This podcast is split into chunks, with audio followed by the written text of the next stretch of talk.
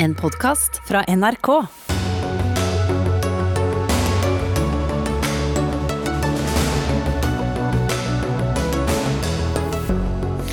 Putin er i ferd med å mislykkes. Det er beskjeden fra Natos generalsekretær idet krigen i Ukraina skrur seg til enda et hakk.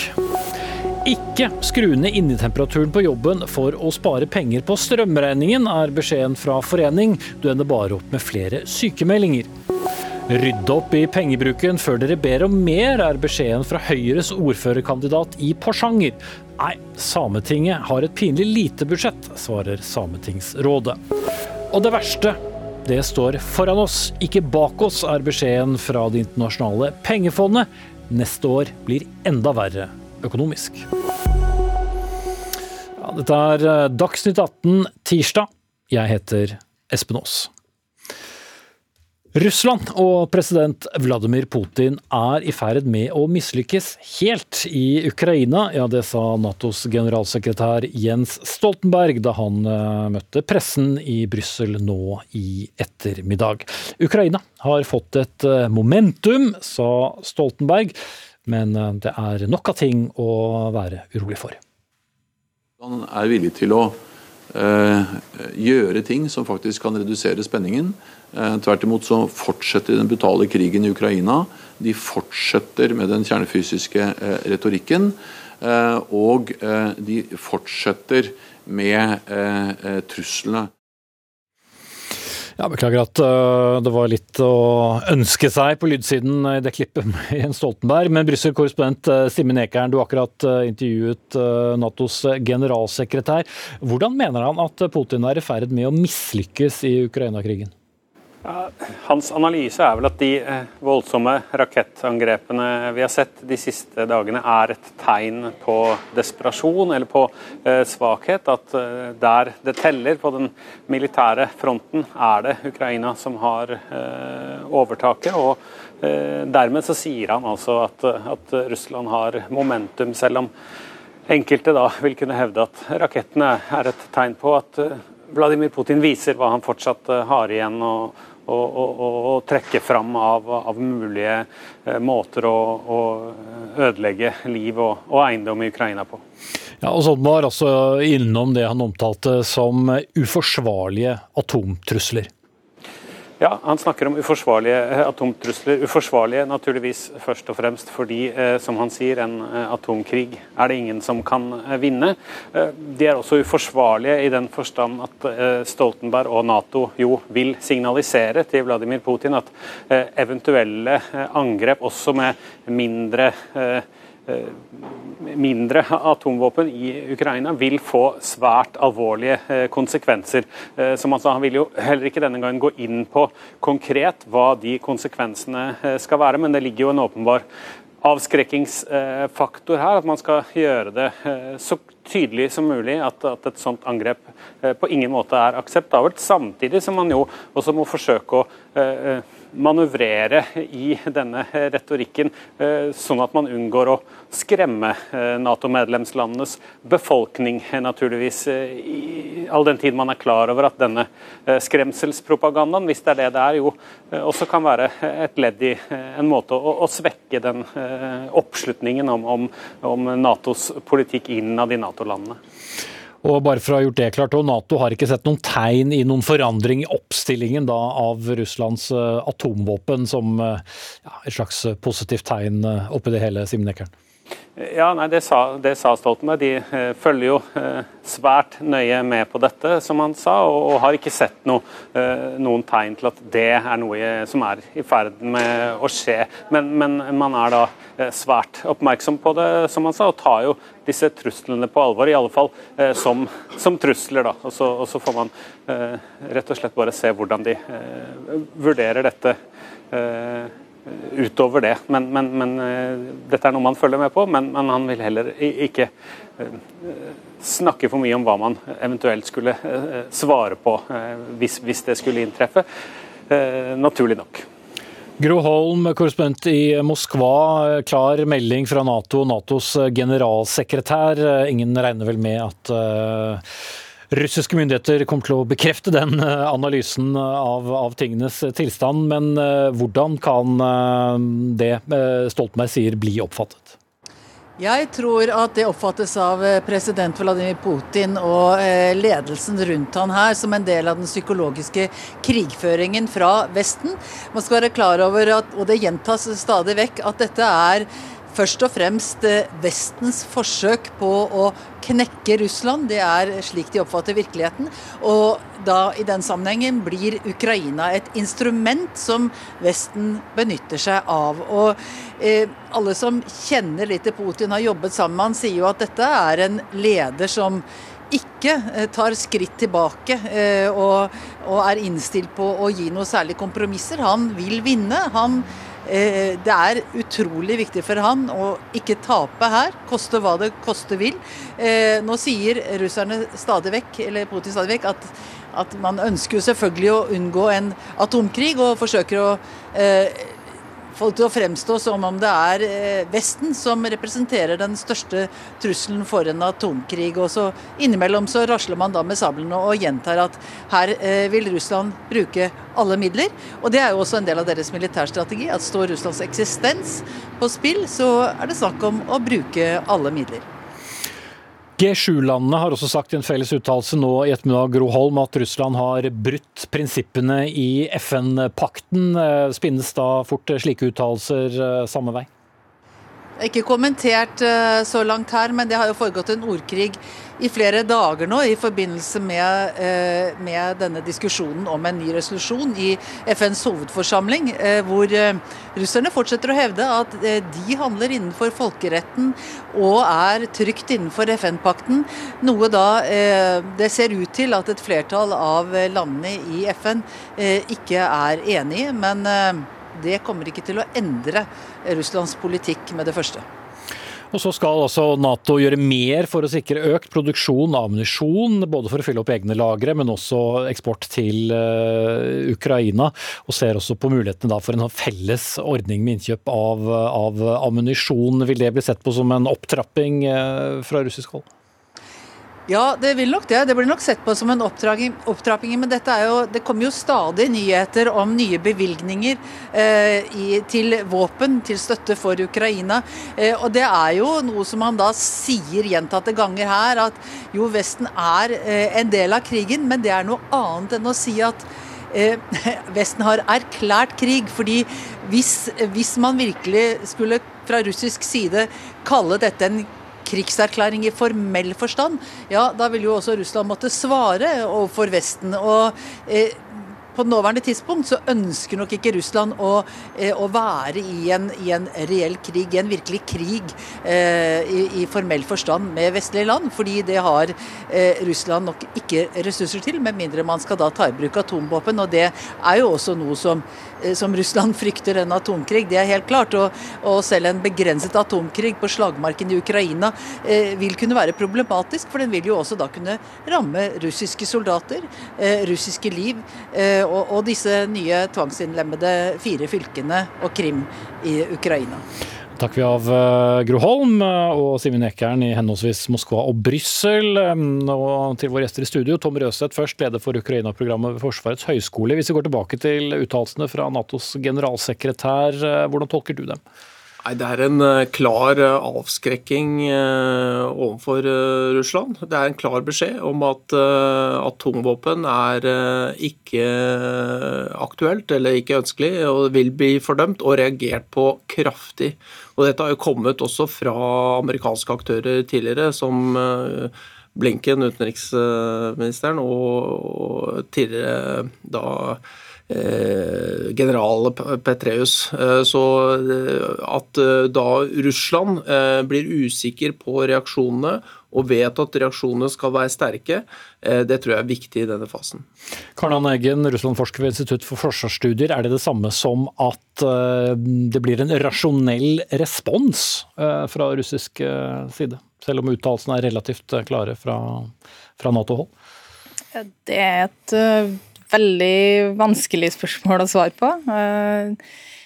hele problemet med Det kan du si fra siden krigen starta, men nå, særlig nå er det, det er ganske uoversiktlig. Vi er, vi er inne i en fase hvor det er uh, svært mye usikkerhet. Uh, fordi vi aldri har vært i en situasjon med så høye spenninger. Men så klart, Russland har jo sine egne rasjonaler og sin egen måte å rasjonalisere på en måte sine handlinger på. Og, det inkluderer jo nettopp det at du kan bruke all mål for å oppnå Nei, alle virkemidler for å oppnå dine mål. og Det har de særlig vært tydelige på når det kommer til Ukraina. Mm. Og som vi har sett de siste dagene, Røseth, med offensiven da mot Kyiv, så er det jo et ganske klart signal. Men så er jo spørsmålet hva nå? Ja, hva nå? Det ser ut til at angrepene er tiltenkt å fortsette. Derfor er jo luftvern veldig viktig for Ukraina nå, å få mer av det. Eh, og Putin har selv sagt eh, fremover at eh, ytterligere ukrainske angrep på det han da hevder er Russland, altså Krim, som jo er, egentlig er ukrainsk, så, så, vil han svare proporsjonalt. Og Den beskjeden han gir, er jo at Russland vil nøye vurdere. Og vil ikke gå hodestups i en eskalering, men vil eskalere dersom Putin mener det er nødvendig. Og flytter jo også fokus da, eh, fra eh, angrepet på, på, på broer eh, mot det Russland selv anser som, som sine områder. Ja. ja. det gjør det jo absolutt. Og bare et sånt tillegg til Røseth her. det er jo En ting er at de sier de skal svare proporsjonalt, men de er òg tydelige på at de òg vil gå asymmetrisk til verks. Og eh, da tenker jeg jo særlig på eh, økte provokasjoner mot eh, det kan være Baltikum eller mot vestlige land, som vi òg mest sannsynlig vil se mer av idet eh, Russland gjør det dårligere eh, på, i Ukraina og skrur opp bombing av sivile mål der nå, som vi har sett de siste dagene. Men vi kan òg forvente provokasjoner også i Vesten. På hvilken måte da? Det kan være eh, en økning i cyberangrep, det kan være Det kan òg være uh, ulike sabotasjehandlinger eller uh, uh, angrep i mer gråsonen mot kritisk infrastruktur, ting som vil være vanskelig å knytte direkte tilbake til til Russland, som de vil da bruke for å skape usikkerhet og spre frykt blant vestlige allierte, da med f.eks. Mål, det mål for øye å, å forsøke da å svekke det europeiske samholdet og støtten til Ukraina. Mm. Vi var jo inne på disse såkalte strategiske atomvåpnene da, Røseth. Men det kan vel også være et visst sjansespill hvis man først går den veien? Ja, eh, altså taktiske atomvåpen som eh, det kanskje er mest aktuelt for Russland å bruke i denne eh, krigen, er altså man, Nato skiller ikke mellom taktiske og strategiske atomvåpen. Atom, var selvfølgelig taktiske mente. Ja. ja, atomvåpen er atomvåpen. Eh, og, eh, og, det er klart eh, Går Russland til det skritt? Jeg tenker at terskelen er høy. Men går det til det skritt i en eskalert situasjon å anvende atomvåpen taktiske i, i Ukraina, så, så, ja, så, vil det få sterke reaksjoner. Og det viktige for, som jeg nevnte, for Stoltenberg er nå å gi en beskjed om at da, da, trer usikkerheten inn for hvor dette ender. Eh, ikke sant? Eh, at reaksjonene vil være kraftige. Sånn at man avskrekker Russland for å tro at taktiske atomvåpen kan være en løsning eh, i Ukraina. Mm. Det er ikke gitt at de er så taktiske heller. og Da vi snakket med deg før sending, så pekte du bl.a. Uh, mot Kina. At det plutselig kan bli mer en utfordring uh, for, for Russland? Ja, altså, Jeg tror det er veldig viktig nå i den fasen før dette kanskje vurderes mer seriøst i Moskva, er å få Kina på banen. I hvert fall høre hva Kina mener rundt russisk anvendelse av taktiske atomvåpen. Og få Kina til å uttrykke hva de mener overfor Moskva. Og så er det noen som da lytter har, Som Putin lytter på, så er det muligens Xi Jinping, da. Men det er klart, Kina, Kina er ikke noen magi og, og kan løse dette, for dette ekses, ses på som eksistensielt i Moskva. Men det kan være et påtrykk for å fortelle Putin om at gjør du dette, så uh, vil også vi uh, fordømme det. Mm. Ja, det går mot slutten her, Karnaneggen, men uh, slik du vurderer Putins stilling i, i eget hjemland etter den siste ja, si, ukens hendelser, hvor, hvor sterk står han? Det er ikke sånn at Putin forsvinner fra eh, sitt høye sete i Kreml eh, med det første. Eh, jeg tenker altså mobiliseringa, annekteringa, talen hans som jo gikk langt, ikke sant, bare var en konsolidering av det trusselbildet han har malt de siste 20 årene av Vesten. De økte bombeangrepene. Alt det her er jo tegn på at Russland, og en innrømmelse av at Russland faktisk gjør det ganske dårlig i, i, Ukraina. Og han har behov for å prøve å vise handlekraft og vise eh, at han er den sterke lederen, at Russland er liksom det sterke landet eh, han jo har eh, brukt mye tid på, og veldig mange russere tror Russland er. Eh, så det, interessant å følge med at vi har, eh, vi har, um, vi har mer kritikk mot krigføringa. Eh, men samtidig så er det mange som òg støtter denne krigen. Og en diktator kan snu, det, skru den knappen sin kun én vei, og det er innstramming. Og det ser vi på, i måten protester blir møtt, og kritikere òg. Og det vil vi nok se mer av framover. Men det blir interessant å følge med. Takk skal dere ha begge to. Karl Anne Eggen, eh, Russland-forsker ved Institutt for forsvarsstudier, og Tom Røseth, hovedlærer i etterretning ved Forsvarets høgskole.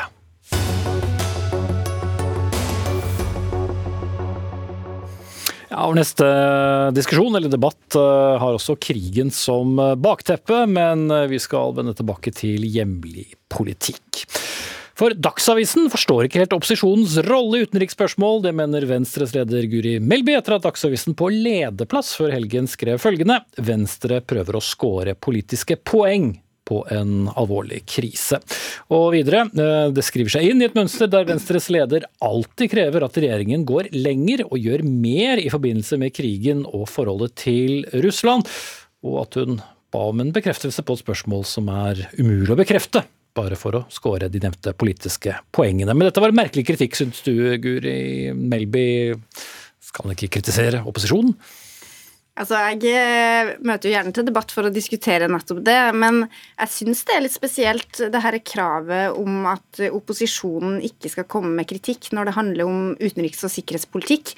Fordi altså, en kritikk mot regjeringa har jo gjerne flere formål.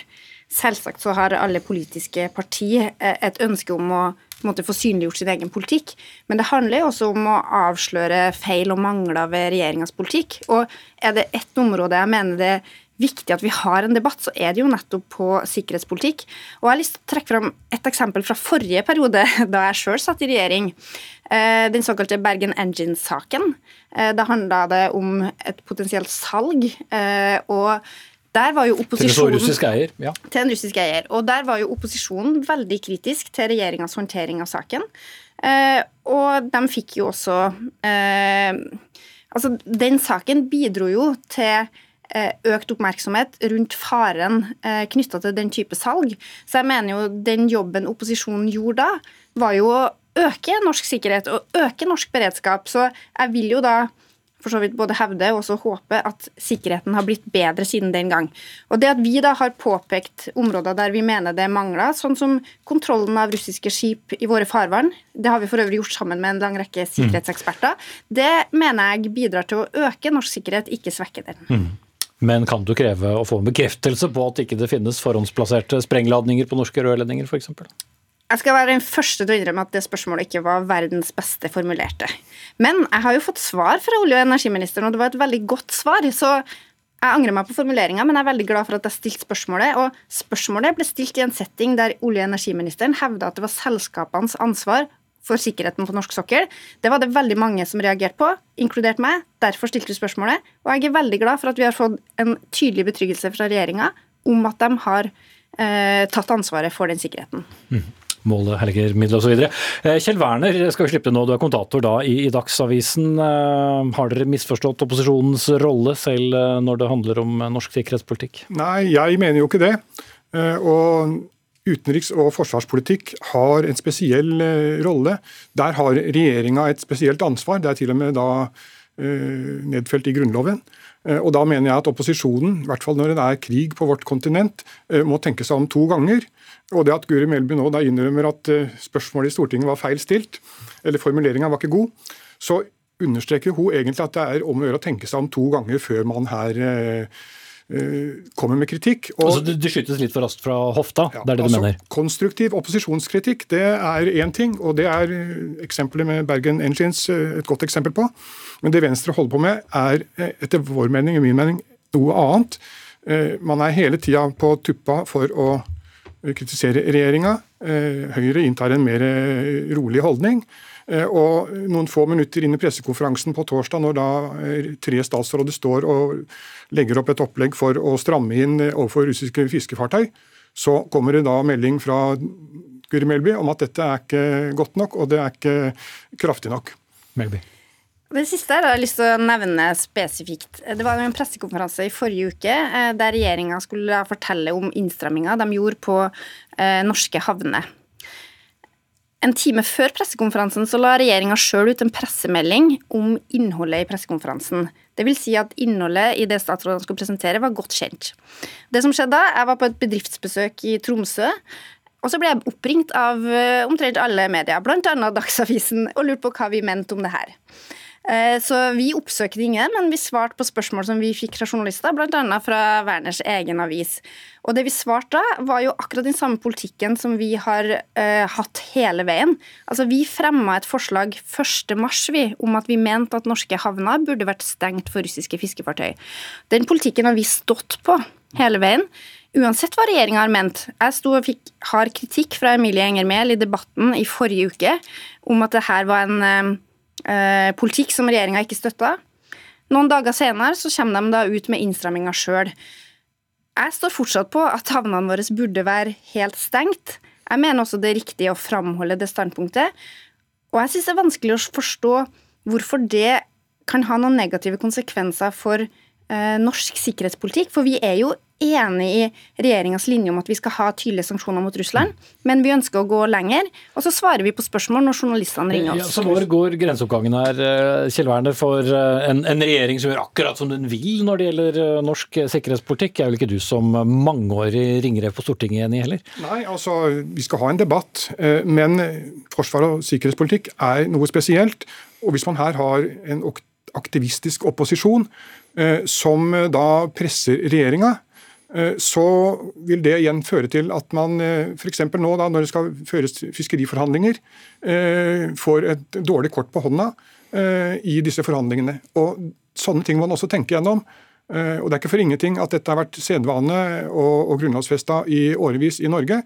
Så her mener jeg Venstre er ute og sklir litt. Men Venstre alene, og ikke ta det ille opp, er jo ikke det største partiet på, på, på Stortinget. så... Ja, ja, men hva blir konsekvensen av ropingen? Det er det jeg prøver å komme fram til. Det, jeg ville ha gitt eh, Dagsavisen et poeng dersom det var sånn at f.eks. det russiske propagandaapparatet kunne ha brukt våre uttalelser mot den norske regjeringa. Det ville jo vært saken dersom vi kom med uttalelser som var tvert imot det regjeringa gjør. Eh, F.eks. når vi har partier som tar til orde for at vi ikke skal sende våpen, så er jo det, det er jo en direkte motstrid til det regjeringa mener. Eh, men vi ser jo i dag at uh, den russiske ambassaden er jo ute og kritiserer uh, det at vi vil på en måte ta det lenger enn regjeringa. Det er jo ikke mulig å bruke det i en form for russisk propaganda. Derfor så har jeg litt vanskelig å få tak i hva som på en måte skal være det håndfaste problemet med at vi er utålmodige, og med at vi ønsker å gå lenger. Jeg mener det hadde vært en gyldig kritikk dersom vi ønsker å gå i tvert motsatt retning av regjeringa, men det er jo ikke det Venstre vil. Vi støtter regjeringa, sier faktisk ganske ofte også fra når vi er enige og når vi syns at regjeringa håndterer det på en god måte. Etter at Aasland hadde rydda litt opp i sine uttalelser i forrige uke, så var vi jo veldig tydelige på at vi hadde blitt betrygga av statsråden. Så altså, litt av det vi kjemper for akkurat nå, er jo demokrati og fri debatt. Jeg mener at vi har et såpass robust samfunn at vi også tåler debatt på sikkerhet og utenrikspolitikk. Så her, her utfordrer du det systemet som har vært grunnfesta i, i årevis? Altså, Det er jo bred enighet om hovedlinjene i norsk utenrikspolitikk. Og Venstre er jo blant de partiene som virkelig står helhjertet bak. Alt fra medlemskapet i Nato til at vi støtter Ukraina i deres kamp for frihet mot Putin. Men det at vi diskuterer håndtering av enkeltelementer, det mener jeg er en viktig del av vår jobb. I dag innrømte regjeringa i VG at håndteringa av skadde ukrainske soldater har vært dårlig.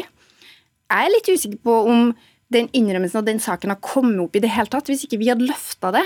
Og det mener jeg faktisk er vår jobb. Ikke for å ta regjeringa, men for å bidra til at Norge gjør det vi bør gjøre i denne konflikten. Kjell Werner, eh, har, har Venstre vært mer enn vanlig opptatt av eh, norsk uh, sikkerhetspolitikk? Ja, Sånn som jeg oppfatta det fra krigen brøt ut, så har Venstre løpt foran. Og så kan en si at det er for så vidt for da å dra regjeringa. Men hvis regjeringa føler at det er ubehagelig at den blir dratt, og at en her får problemer med å turnere saker, så er det et problem. Men, men vi, skal debatt, vi skal ha en debatt, så for all del. Det ble debatt her òg, jeg må runde dere av. Jeg er sikker på dere kunne fortsatt. Guru Guri Melby, leder av Venstre, og Kjell Werner, kommentator i Dagsavisen.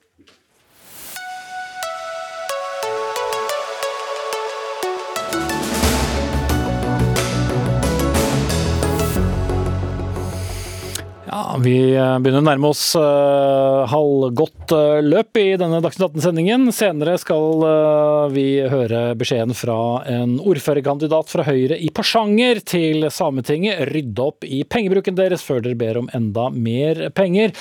Og det blir budsjett om hvor mye penger som kommer til nettopp Sametinget. Men nå noe som sikkert mange har vært med på å kjenne etter i det høsten setter inn. For det å skru ned innetemperaturen på jobben for å spare energi og ikke minst penger på strømregningen, er vårt neste tema. Sykehus, barnehager, ja faktisk Stortinget har skrudd ned temperaturen en grad til 19 graders innetemperatur. Kirker har skrudd helt ned i 15 grader. Og Pål Lillebø, styreleder i Bedriftshelsetjenestenes bransjeforening, det vi først og fremst oppnår er høyere sykefravær, sier du. Hvorfor blir vi sykere av en innetemperatur på 19 grader? Jo, det er jo sånn at Vi i bedriftshelsetjenesten er opptatt av å forebygge sykdom som følge av arbeidsmiljøet. og Det fysiske arbeidsmiljøet er en viktig del av det, og da er temperaturen igjen en viktig faktor.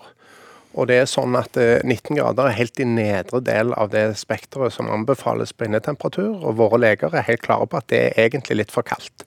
Ja, Rent konkret, eh, Lillebø, hva risikerer du dersom du jobber på si et kontorfellesskap da, og innetemperaturen er 19 grader?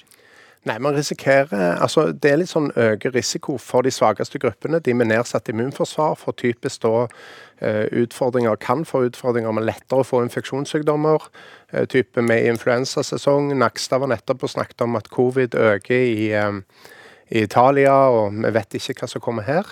Det er andre utfordringer som går på muskel- og skjelettlidelser, som òg er en, en, utfordring i forhold til at man sitter anspent. og og ikke har eh, på en måte full blodgjennomstrømning. For det, det som skjer når temperaturen går ned, er at blodgjennomstrømningen reduseres.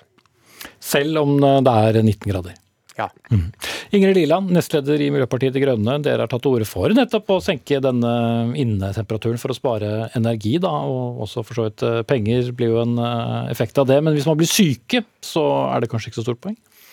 Akkurat nå så er vi i en situasjon der vi så at eh, folk sliter med å få endene til å møtes. Folk sitter hjemme, både familier og enslige, og skrur ned både innetemperatur og tar kalde dusjer for å spare penger og spare strøm. Bedrifter er på randen av konkurs, og som du nevnte innledningsvis, er det mange som sjøl har begynt å senke innetemperaturen for å spare penger.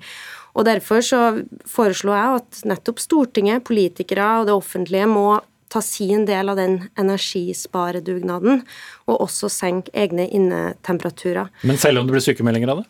Nei, Jeg syns jo at eh, Lillebø tar opp et veldig eh, viktig poeng her. fordi at det er jo en grense for hvor mye vi kan drive og senke innetemperaturer for å bøte på den energikrisa vi står i. Men det er jo for lite strøm i forhold til hvor mye vi bruker. Det er grunnen til at prisene går opp. Så det er jo derfor Miljøpartiet De Grønne først og fremst har etterlyst at regjeringa Støtte folk, støtte bedrifter med å etterisolere, få solceller på tak, energieffektivisere. Det er jo den langvarige løsninga her. Dette er men dere har tatt til orde for å senke innetemperaturen også? Akkurat nå så mener vi at også offentlige bygg må, eh, og politikere må ta sin del av energisparedugnaden, nettopp for å spare. Og du endrer ikke mening ut fra det Lillebø sier? Nei, men det gjør meg enda mer sikker på hvor viktig det er å finne de langvarige, varige tiltakene som gjør at samfunnet er robust i møte med sånne type situasjoner der vi mangler energi. Men kan man ikke bare ta på seg noen øh, varmere sokker og en øh, tykk genser på, på kontoret, da? Jeg vet ikke hva du skal si. Tenk hvis vi satt her i studio med yttertøy på. Det ville liksom vært litt rart. Jeg tenker det samme i Stortinget. Eh, Men, men det blir òg veldig fort for varmt. ikke sant? Yttertøy er brent å ha ute, det er brent til bevegelse. sånn at eh, når vi er rigga for å sitte i ro på et kontor, så er vi rigga for å ha på oss innetøy. altså. Lilland, det må vi kunne se forbi. Jeg registrerer at det er flere kollegaer på Stortinget som har begynt å ta på seg en ullgenser. Jeg må bare gjenta at det her er ikke en varig, varig løsning, og det finnes en grense for hvor lavt vi kan senke innetemperaturen. Og grunnen til at vi har foreslått 19 grader, er nettopp at det er den nedre grensa som Arbeidstilsynet anbefaler. Og så hvis det er eh, tilfelle at det fører til et enormt sykefravær, så bør jo Arbeidstilsynet også eh, endre sine anbefalinger, men det er, en, det er en annen debatt. Nå står vi i en midlertidig krise, men jeg må gjenta, det er ikke innetemperaturen som får oss ut av den krisa. Hva ville være en bedre løsning da, Lillebø, for å være i det konstruktive hjørnet og ikke senke øh, innetemperaturen? Nei, Det er nok først og fremst andre enn bedriftshelsetjenesten som skal svare på det, men våre yrkeshygienikere sier f.eks. at god vedlikehold av ventilasjonsanlegg, sørge for at de er godt justert, at de har nattsenking og, og er rensa og gode, det er ett tiltak. Hva er øh, da den best mulige innetemperaturen, bare for å ha stilt øh, det spørsmålet, for øh, det vet du mer om? Ja, Våre leger sier at det er 23 grader, og det er akkurat midt i det intervallet som Arbeidstilsynet foreslår. Altså 19 grader er det aller laveste som de anbefaler, og 26 er det høyeste. Så 23 er midt i det, midt i det intervallet der, og det er det som våre leger sier er optimalt for oss å ha på kontoret, hvor vi har stillesittende arbeid. Fire grader opp fra anbefalingen, Liland. Det hørtes ut som øh, kraftverkene ville gå, gå varme. Nei, altså Vi er i en situasjon der det er veldig mange som sparer strøm nå for å rett og slett få endene til å møtes, for å få bedrifter til å gå rundt. Eh, og det er sånn at En del kontorarbeidsplasser, inklusive Stortinget, har mulighet til å redusere innetemperaturen. Og så er jeg helt enig at vi må jo se på andre tiltak også da, for å bekjempe sykefravær samtidig og, og bedre inneklima. Men det er jo nettopp fordi at vi har et sånt etterslep og en del andre tiltak både for å spare strøm og sørge for et godt arbeidsmiljø, at vi nå blir nødt til å senke eh, innetemperaturen i en veldig alvorlig krise for mange folk. Og det å heller ta lyset og slå andre unødvendige ting i stedet, er ikke det bedre? Nei, Da får jeg jo muligheten til å si at heldigvis har Stortinget eh, også iverksatt andre eh, tiltak på Stortinget. Både å slå av lys i rom som ikke brukes, skru av badstua som eh, skulle bare mangle akkurat nå. Og det er det også veldig mange andre bedrifter og offentlige virksomheter som gjør rundt omkring. Så det er mange som bidrar i dugnaden nå, og det er viktig. Prøvende tider, selv badstuen blir slått av. Ingrid Liland, nestleder i MDG, og Pål Lillebø, styreleder i Bedriftshelsetjenestenes bransjeforening. Takk skal dere ha.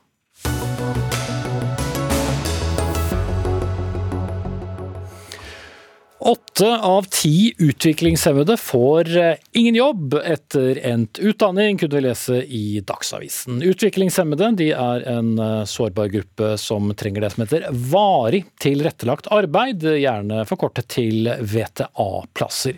Men det er eh, stor manko på slike plasser. I snitt har det kommet til 340 nye slike VTA-plasser til denne gruppen hvert år, men det er nå skapt usikkerhet rundt hvor mange plasser det blir fremover. Thomas Norvoll, statssekretær i Arbeids- og inkluderingsdepartementet fra Arbeiderpartiet. Gjør man nå nok for å få ned ledigheten i denne gruppen? Ja, altså Nok blir det jo ikke før at alle er, har fått det tilbudet de har eh, krav på som de trenger. Men eh, i en veldig veldig pressa økonomisk eh, situasjon så klarer vi å ha samme nivået eh, som året før. Det er det høyeste som noensinne har, eh, har vært. Så vi får til mye. Men det fort, du, du garanterer at det vil være minimum 340 plasser i året som kommer også? Ja, altså det, det, vi gjør er jo at vi budsjetterer med hvor mange det skal være totalt. Eh, og det vil si at det skal være sånn som man regner det 12 300 eh, plasser i Norge. Så det er litt sånn forskjellig, for hver sånn plass koster ikke det samme. Så det regnes ikke ikke ikke supernøyaktig, men, eh, men, det er samme ambisjonsnivået som i det budsjettet som gjelder for 2022. Eh, og så er det prisjustert, sånn at det skal være mulig å holde akkurat samme aktiviteten som, eh, som tidligere på, på VTA. Så er det jo mange andre tiltak i tillegg mm. men, men, som gjelder samme gruppa. De skal få lov til å komme tilbake til senere, for jeg skal vende meg til deg, Viktor Nordmann. Du er styreleder i Arbeidsgiverforeningen for vekst- og attføringsbedriftene forkortet ASVL, hvis dere orker å holde styr på disse forkortelsene. Årets budsjett er eh, trangt for eh, mange. Hvordan eh, tror du det blir med antall plasser fremover? Jeg håper jo inderlig at, at regjeringen vil holde sitt løfte om å skape 1000 nye arbeidsplasser til utviklingshemmede og andre som trenger spesialtilpassede arbeidsplasser i årene som kommer. Men tallene for i år tyder jo på at det blir null økning. da. Hvorfor gjør det det? Fordi at eh, i beste fall får vi like mange plasser i år som det vi har hatt i fjor. Det betyr at av de åtte av ti utviklingshemmede som ikke slipper til i arbeidslivet i dag, er det ingen flere som kommer til å slippe til i løpet av neste år. Enig i det, Norvoll? Ja, altså, vi skulle jo gjerne ha hatt ressurser til å kunne øke på, men så gjør regjeringa mye annet også for for eh, særlig unge som står utafor. Men, men, for denne gruppen? Ja, men denne gruppa er, er også omfatta av en del andre ordninger. Men, men, det, er, det, det, er, sånn at uh, de her plassene kan på en måte gjøres på to måter, for å si det ganske enkelt. Det ene er at uh, man kan få en jobb i en bedrift som er laga for å skape den type arbeidsplasser. Det er den type bedrifter som Victor Nordmann her representerer. Alternativet er at man kan få en jobb i en vanlig bedrift, og så legger man til rette der. Det siste er billigere. Eh, og Der går vi også inn nå med satsing på 10 millioner ekstra. Men, men, da er det bedriften som får hele ansvaret? Nei, altså vi følger opp. og Der gjør vi en satsing nå hvor vi både skal forsikre oss om at det tilbudet de får, eh, de som er i en vanlig bedrift, at det er kvalitativt godt, sånn at dette er skikkelig. Og vi skal også bruke tida til å lære oss hva er det som fungerer. For at Folk med utviklingshemming de er altså akkurat like variert som alle oss andre. og Det er ikke sånn at det er én løsning mm. som vil passe for alle. Nordmann.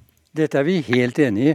Og faktisk var det jeg som i sin tid introduserte varig tilrettelagt arbeid i ordinær virksomhet som, som statsråd.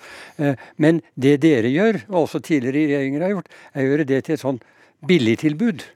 Eh, sånn at folk som altså har store problemer med å bli sosialt integrert på jobben, med å, å, utvikle seg på jobben, de har mindre oppfølging og mindre støtte enn de som er så heldige å få en varig tilrettelagt arbeidsplass i en tilrettelagt bedrift. Eh, minstekravet må være at de som skal ut i ordinær virksomhet, har like mye oppfølging, like mye hjelp og hvis jeg kan bruke det uttrykket, koster like mye som de som er i en særlig tilrettelagt bedrift. Mm. Men, men, i en tid hvor det skal spares alle budsjetter, Victor Nordmann, hvorfor er akkurat disse arbeidsplassene så viktig å, å øke ja, men, i antall? Dere ville ha et mål da på 1000 mot de men, da 340 men, som er Unnskyld, kjære venner. Eh, finansminister Erik Brofoss fra Arbeiderpartiet sa etter krigen at vi må huske på at vi lever av hverandres arbeid. Det dette handler om, er å slippe en gruppe til å delta i arbeidslivet, bidra til verdiskapningen, istedenfor å sitte passive i en leilighet eller på et dagsenter. Det er ikke noe som koster noe, det er faktisk noe som betaler seg. Eh, og varig tilrettelagt arbeid koster mindre enn en dagsenterplass.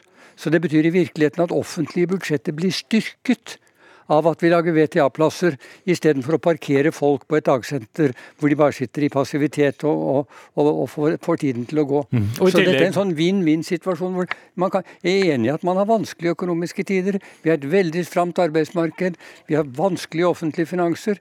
men begge deler taler for at man bør lage flere VTA-plasser, og ikke holde tallet konstant. Mm. Ja, for, for, flere VTA-plasser vil altså Dere kan ta pengene fra kommuneproppen for det kommunene sparer. Ok, Jeg må bare bryte det av, Nordmann, selv om du er på linje her, så vi får brukt uh, våre tilmålte minutter. Ja, Norvald, det, Du kommer jo fra Arbeids- og inkluderingsdepartementet, og akkurat det regnestykket som Nordmann peker på der, er jo ganske enkelt.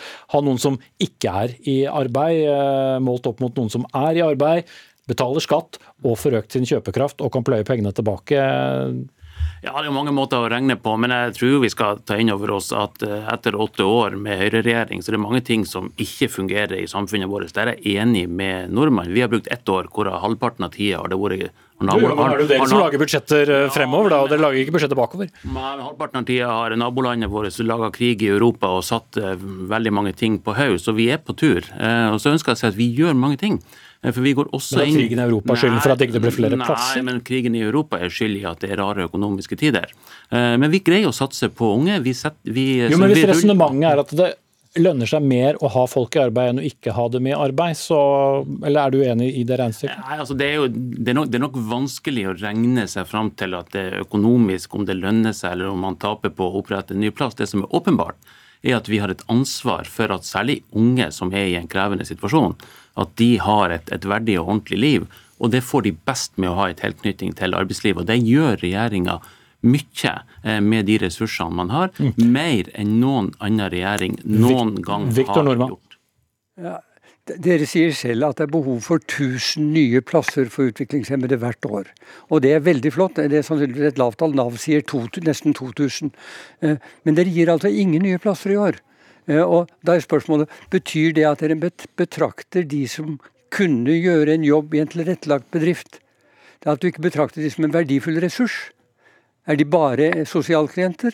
For det er det dette egentlig handler om. Er det sånn at utviklingshemmede og andre som trenger tilrettelagt arbeid, om de er en ressurs, om de skal få lov til å være del i samfunnet sånn som alle andre, om ansvarsreformen som ble innført for 30 år siden snart skal bli en realitet. Det er det dette handler om. Mm. Svar, og det handler altså om å se på dette ikke, ikke som noen stakkarer, men som noen som har lyst til og evne til å bidra til verdiskapningen, sånn at økonomien faktisk blir litt ja, men, bedre for det offentlige men, og ikke men, vanskeligere. Men det, det, der er jo ting vi er enig i, og derfor går vi bl.a. inn nå med arbeid arbeidsorientert uføretrygd, hvor unge som står utafor pga. uførhet, får en mulighet til å komme inn i arbeidslivet. Vi gjør mange tiltak på det. Så Men klar, så, utviklingshemmede inn i den gruppen? Ja, altså det, det er jo, Nå er det jo mange som, som trenger eh, tilrettelegging for å være i arbeidslivet, og det er en veldig sammensatt gruppe. Det er ikke sånn at det er en løsning som vil fungere for alle. Eh, jeg syns vi har fått til mye i dette budsjettet med de forutsetningene som er. Og så har jeg veldig stor tro på at vi skal greie å gjøre enda mer framover. For dette er en regjering som skal være der for de som har det vanskelig. Men fortsatt eh, ligger det altså an til like mange plasser fremover, ikke, ikke flere som du ønsket deg, bl.a. Eh, Viktor Nordmann, styreleder i Arbeidsgiverforeningen for vekst- og attføringsbedrifter, og her i studio i Oslo, Thomas Norvoll, statssekretær i Arbeids- og inkluderingsdepartementet fra Arbeiderpartiet.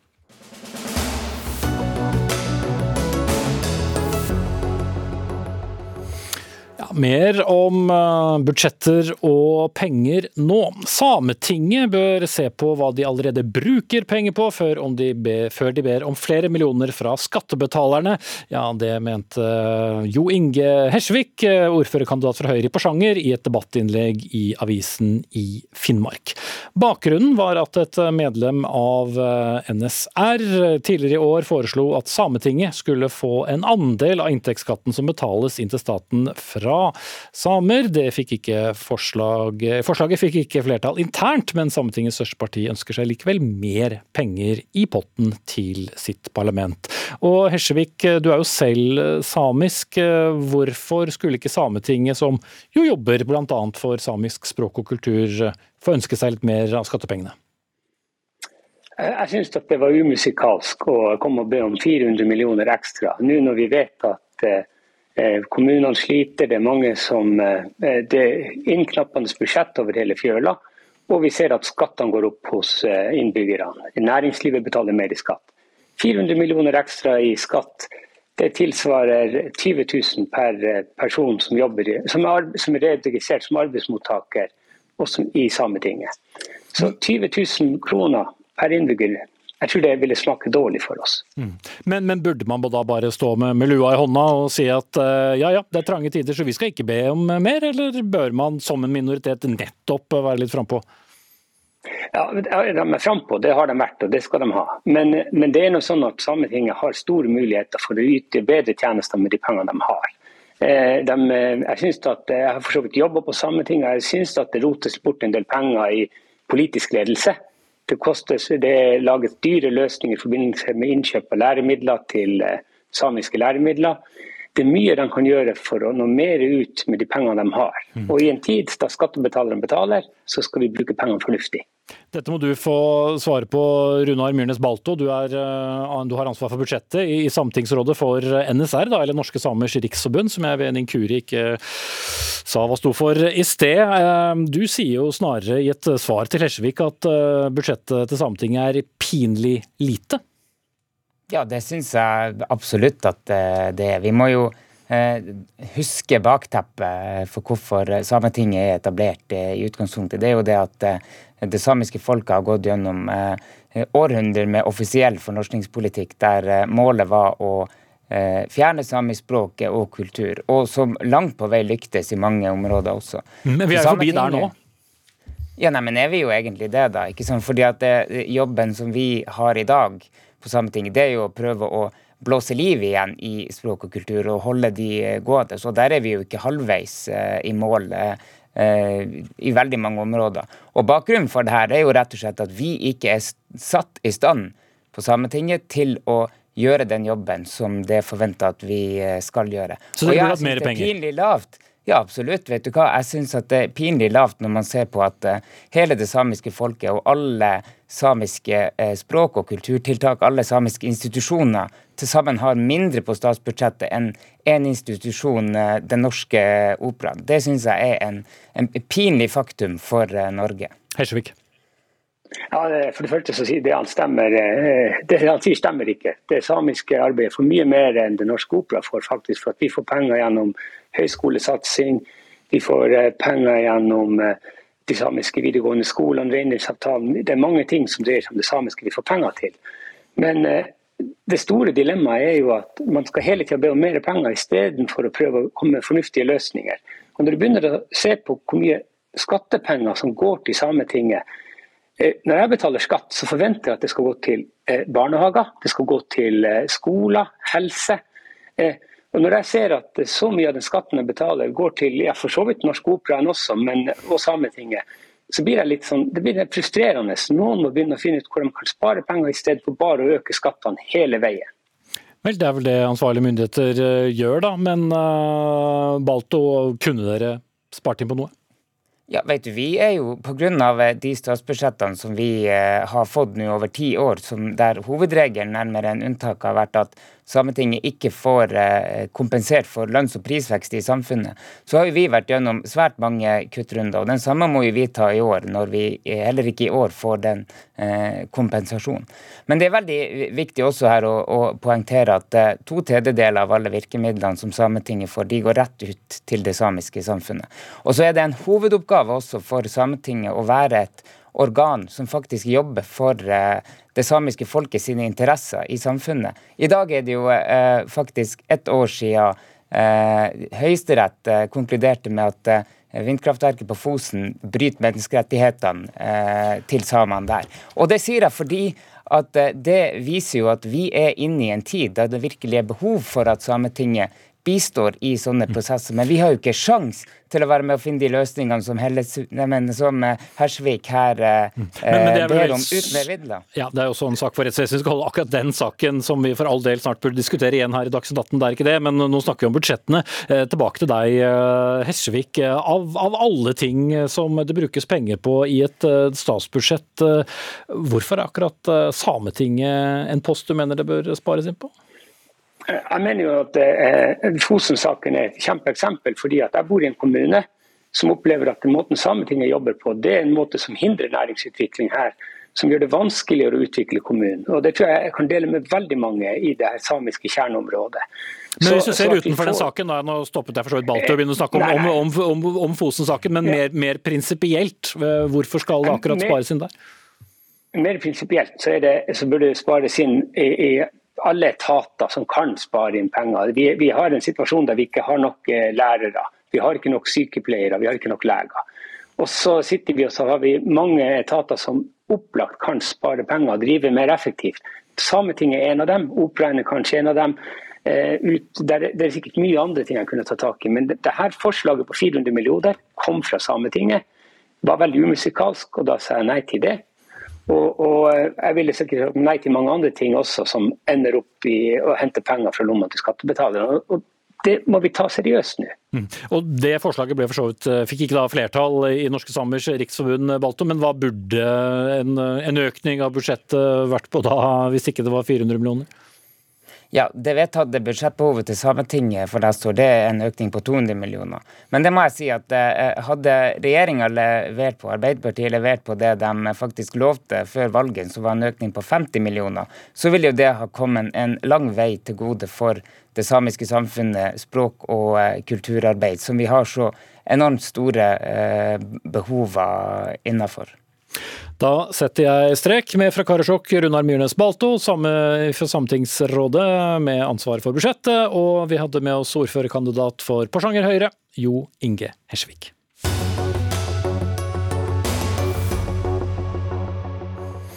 Ja, dette har vært en, eh, en, dag med en del eh, dystre meldinger, ikke minst når det gjelder verdensøkonomien. For det verste ligger foran oss og ikke bak oss, eh, var beskjeden fra Det internasjonale pengefondet, IMF, da de la frem sin økonomirapport for bare noen timer siden. Og Marius Gonsolt Hov, sjeføkonom i Handelsbanken, hva er det vi skal grue oss til?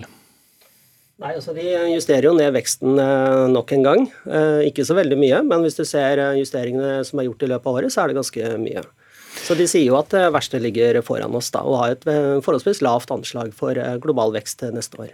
Men hvis man gløttet på de nyhetsmeldingene, og så så man at det var ventet en vekst på 2,9 neste år, og så har de justert ned til 2,7, det er fortsatt vekst. Eh, hvorfor skal et utrent øye bli bekymret av disse anslagene fra, fra pengefondet? Ja, altså I global målestokk så er det lavt. Og det er klart Nå har vi jo en spesiell periode bak oss, men hvis du ser bort fra det spesielle pandemiåret 2020, så er dette svakeste vekst siden eh, finanskrisen. Mm. Uh, og De sier også at noe av det som ligger bak anslagene her, er at eh, ca. en tredjedel av verdensøkonomien vil oppleve negativ vekst til neste år.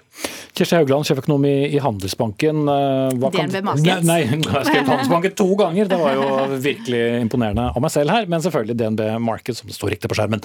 Hva betyr dette for oss her hjemme, først og fremst når IMF kommer med, med denne spådommen? Hvordan kan det slå inn her?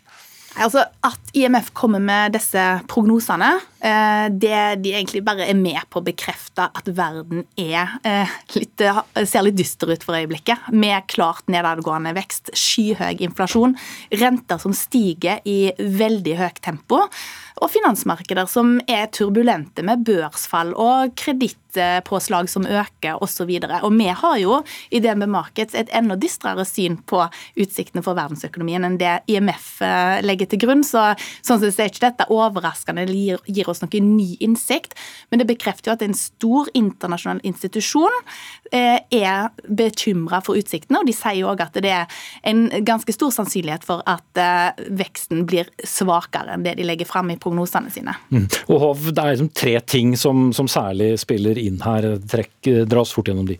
Ja, Det er jo krigen eh, i Ukraina, selvfølgelig. Og eh, i tillegg da det som vi hørte nå, eh, høy inflasjon. Eh, rett og slett en levekostnadskrise, som de kaller det. Og raskt stigende renter. Og så er det Kina oppi dette her også. Der er det jo en eh, nedgang som vi ser tydelig i boligmarkedet. Og tillegg da, til at myndighetene fører en veldig streng koronapolitikk med hyppige nedstengninger, veldig lav terskel for nye nedstengninger, og alt dette rammer økonomisk aktivitet. Mm. Så det er nå vi lærer uh, hvor avhengige vi var blitt av Kina? Det er i hvert fall nå vi ser hvor sårbare vi er når det kommer til stykket. Det har vi lært mer om de siste årene. Ja, Vi fikk jo egne inflasjonstall her hjemme i går. Eh, Kirsti Haugland og andre land opplever jo en, helt, eh, en langt høyere inflasjon.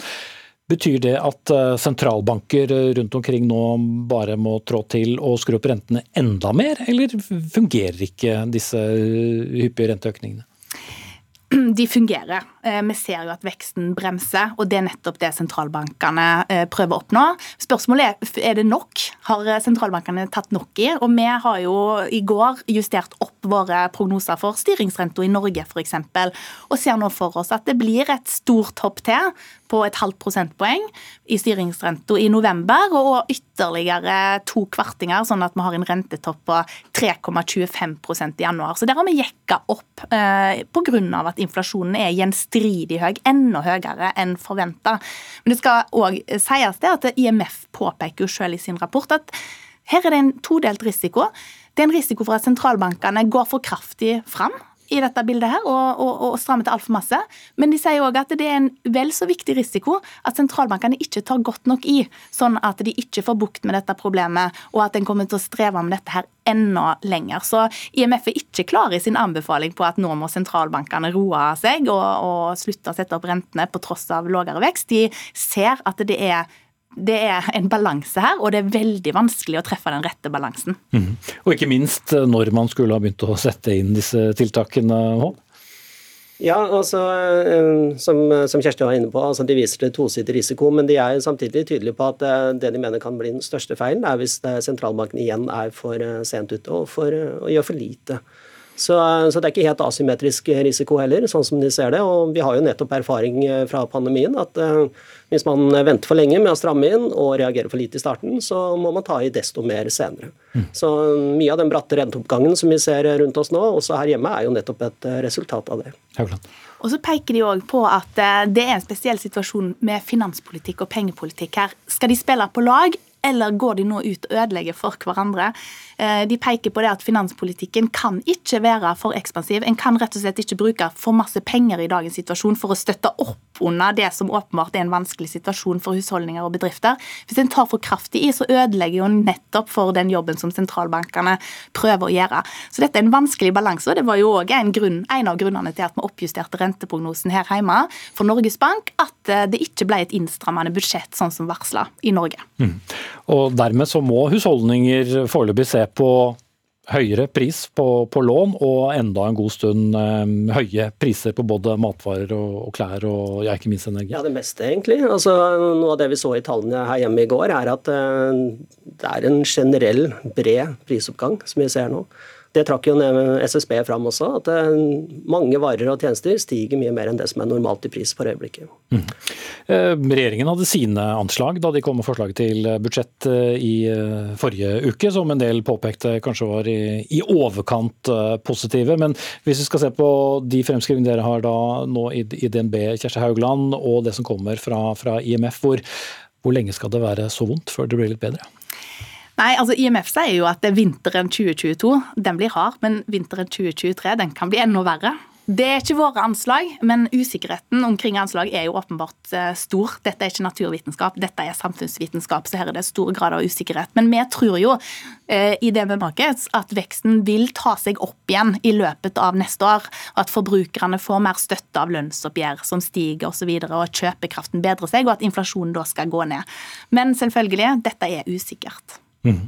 For det var noe med at denne kjøpekraften ikke skulle bedres så mye, sånn at eh, vi fikk ned inflasjonen. Men i et historisk eh, bilde, vi går mot slutten her, eh, Marius Konsoltov. Du trakk frem 2009 og, og, og, finanskrisen, men hvis vi ser det i et enda større bilde, så er vi ute i et uføre nå på verdensøkonomien? Ja, vi er jo det. Så jeg vet ikke helt hvordan jeg skal avslutte med det. Altså, det er jo ikke noe optimisme som, som ligger bak rapporten her i dag innleder jeg litt med å si at det er, det er ganske tunge krefter som, eh, trekker, eh, nei, som treffer verdensøkonomien nå, som vi, vi, merker her hjemme. Så det er klart at det er ikke noen sånn umiddelbar lysning i sikte her. sånn. Og så er det viktig at et element oppi her er at eh, sentralbankene nå de ønsker å stramme mer til. Mm. Så Det har jo kommet en del kritikk mot dette her, og det hører vi her hjemme også. At man kanskje ønsker at de heller skal roe litt ned nå, fordi vekstutsiktene er svake. Men vi må huske på det at grunnen til at vekst, altså en av grunnene til at vekstutsiktene er svake, er jo nettopp det at de ønsker å stramme inn også.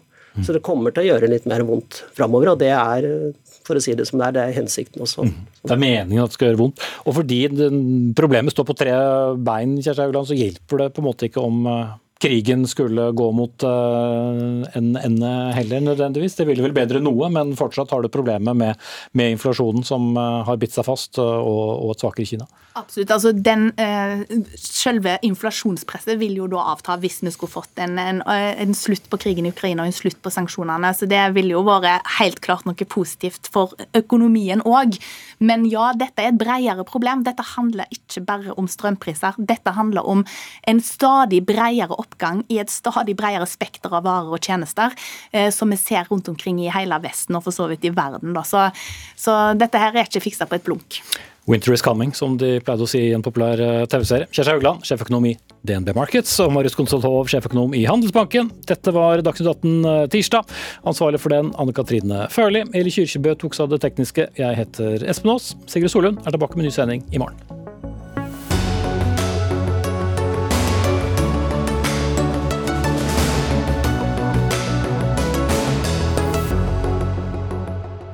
Du har hørt en podkast fra NRK. Hør flere podkaster og din NRK-kanal i appen NRK Radio.